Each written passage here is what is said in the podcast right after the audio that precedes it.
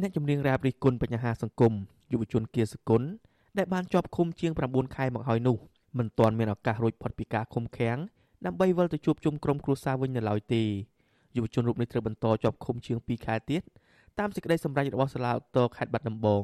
តុលាការជាន់ខ្ពស់មួយនេះបានប្រកាសសាលដីកានៅព្រឹកថ្ងៃទី16ខែមិថុនា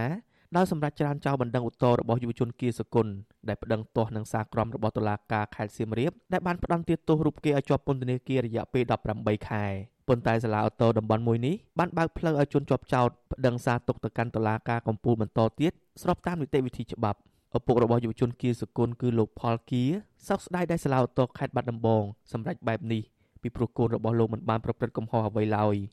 លោកយល់ថាសាលដីការបស់តុលាការជាន់ខ្ពស់មួយនេះ មានភាពអយុត្តិធម៌សម្រាប់កូនប្រុសរបស់លោកយើងគិតថាស្លាវតោគិតនឹងបទូបថយឬក៏គិតនឹងសម្ភារចោលបត់ចោលទាំងឡាយដោយសារយើងទៅគិតនៅសាក្រមសាលាដំបងដូច្នេះទៅគិតបើកសាវនាការឲ្យគិតលើសារនៅសាក្រមដដែលគឺយើងខ្ញុំដូចខកចិត្តដែរតែសោកស្ដាយដោយសារថារឿងអយុត្តិធម៌នេះដូចមិនគួរឲ្យជឿថាគិតនឹងសារទុកនៅទៀតលោកផលគីបញ្ជាក់ថាលោកមិនទាន់ប្រកាសនៅឡើយថាតើគួរប្តឹងសារទុកទៅតុលាការកំពូលបន្តទៀត ឬក៏យ៉ាងណានោះទេពីព្រោះគ្រួសារលោកមានជីវភាពក្រីក្រ ម្យ៉ាងវិញទៀតលោកហាក់អស់ជំនឿលើតុលាការហើយពីព្រោះស្ថាប័ននេះមិនបានជួយរកយុត្តិធម៌ជូនកូនប្រុសរបស់លោកឡើយអវិសុអស៊ីសេរីមិនអាចតាក់ទងអគ្គលេខាធិការរដ្ឋបាលសាលាឧទ្ធរខេត្តបាត់ដំបងអ្នកស្រីទៀងសម្បូរដើម្បីសាកសួរអំពីការសម្រេចរបស់តុលាការជាន់ខ្ពស់មួយនេះបានទេនៅថ្ងៃទី16ខែមិថុនាដោយទូរស័ព្ទចូលពុំមានអ្នកទទួលអាជ្ញាធរបានចាប់ខ្លួនយុវជនគៀសគុណកាលពីដើមខែកញ្ញាឆ្នាំ2020 ពាក់ព័ន្ធនឹងការនិពន្ធនិងច្រៀងចម្រៀងរ៉េបបង្ហោះតាមបណ្ដាញសង្គម YouTube និង Facebook បទចម្រៀងទាំងនោះរៀបរាប់ពីរឿងរ៉ាវឈឺចាប់នៅក្នុងសង្គមដូចជាអំពើអយុត្តិធម៌បញ្ហាសេដ្ឋកិច្ចធ្លាក់ចុះកំណើនពលរដ្ឋធ្វើចំណាកស្រុកនិងពលរដ្ឋក្រីក្រដើរសុំទានបញ្ហាព្រំដែនអំពើពុករលួយនិងការធ្លាក់ចុះគុណធម៌ជាដើមវីដេអូចម្រៀងចុងក្រោយរបស់លោកគៀសគុណដែលមានចំណងជើងថាដីខ្មែរដែលមានអ្នកចូលទស្សនារាប់លានដងនិងចែករំលែកយ៉ាងច្រើនតាមបណ្ដាញសង្គម លោកគៀសគុណបានបង្ហោះចម្រៀងទាំងនោះជាបន្តបន្ទាប់ចាប់ពីចុងឆ្នាំ2018មកម្លេះប៉ុន្តែអាជ្ញាធរមិនមានចំណាត់ការណាមួយនោះទេរហូតតតែមកដល់អំឡុងឆ្នាំ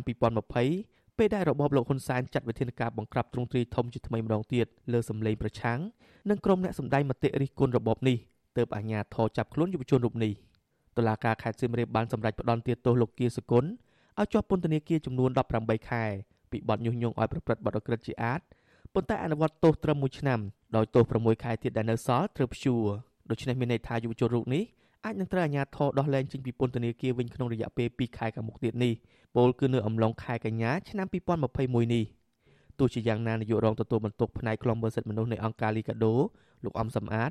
សោកស្ដាយដែលសាឡាវតោខេត្តបាត់ដំបងសម្រាប់តម្កល់សារដីកាផ្ដន្ទាទោសលោកគៀសគុណលោកបញ្យល់ថាការតែងនិពន្ធនឹងចេញផ្សាយចម្រៀងរ៉េបរបស់យុវជនគៀសគុណអំពីបញ្ហាសង្គមនោះ គឺជាសិទ្ធិសេរីភាពបញ្ចេញមតិមិនមែនជាបទល្មើសនោះឡើយ។ចម្រៀងដែលគាត់តែងនេះគឺมันបានបំប្រើផលប្រយោជន៍នយោបាយឬក៏ញុះញង់ឲ្យមានភាពវឹកវរអីដល់សង្គមនោះទេ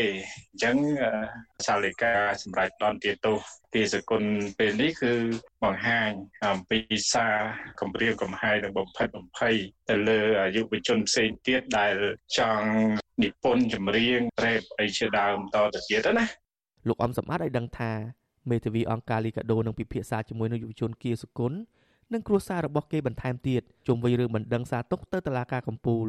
តាក់ទងនឹងរឿងនេះដែរក្រុមអ្នកច្បាប់មកពីមជ្ឈមណ្ឌលសិទ្ធិមនុស្សនៃគណៈមេធាវីអាមេរិកបានចេញផ្សាយរបាយការណ៍នៅពេលថ្មីៗនេះថា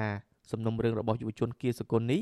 គឺជាករណីរំលោភសិទ្ធិមនុស្សនិងបំពានទៅលើនីតិវិធីច្បាប់ទាំងទស្សនវិជ្ជាច្បាប់ជាតិនិងអន្តរជាតិក្រុមអ្នកច្បាប់ទាំងនោះពិនិត្យឃើញថាចម្រៀងរ៉េបរបស់យុវជនរូបនេះ អំពីរឿងអយុត្តិធម៌ក្នុងសង្គមនិងរឿងព្រំដែននោះគឺជាអាជីពរបស់យុវជនគៀសគុណដើម្បីរកចំណូលផ្គត់ផ្គង់គ្រួសារដែលមានជីវភាពក្រីក្រក្រុមអ្នកច្បាប់ដដែលបន្តថាយុវជនរូបនេះគ្មានចេតនាធ្វើចម្រៀងទាំងនោះដើម្បីញុះញង់ឲ្យមានភាពវឹកវរក្នុងសង្គមនោះទេហើយក៏គ្មានបទល្មើសណាមួយកើតឡើងក្រោយពេលរូបគេផ្សាយចម្រៀងរ៉េបទាំងនោះដែរក្រុមអ្នកជំនាញដដែលគូបញ្ជាក់ថាការដែលតុលាការសម្រេចផ្តន្ទាទោសយុវជនគៀសគុណឲ្យជាប់ពន្ធនាគារ18ខែដោយគ្មានភស្តុតាងរឹងមាំនោះ បង្ហាញថាទាំងចៅក្រមនិងតំណាងអាយកាដែលកាន់សំណុំរឿងនេះបានខកខានបំពេញកាតព្វកិច្ចតាមផ្លូវច្បាប់របស់ខ្លួនក្នុងការស្វែងរកការពិតនិងផ្ដល់យុត្តិធម៌ជូនពលរដ្ឋស្របតាមច្បាប់កម្ពុជានិងកតិកាសញ្ញាស្តីពីសិទ្ធិពលរដ្ឋនិងនយោបាយក្រុមអង្គការសង្គមស៊ីវិលជាតិនិងអន្តរជាតិនៅតែស្នើយ៉ាងទទូចដល់របបលោកហ៊ុនសែនឲ្យដោះលែងយុវជនគង់សុគន្ធព្រមទាំងអ្នកទោសនយោបាយដទៃទៀតឲ្យមានសេរីភាពវិញពីព្រោះការចាប់ខ្លួននិងបន្តឃុំខ្លួនពលរដ្ឋតាមអំពើចិត្តបែបនេះ ជាទង្វើផ្ទុយពីរដ្ឋធម្មនុញ្ញកម្ពុជា និងច្បាប់អន្តរជាតិខ្ញុំបាទជាចំណាន Visual Assisray ពីរដ្ឋធានី Washington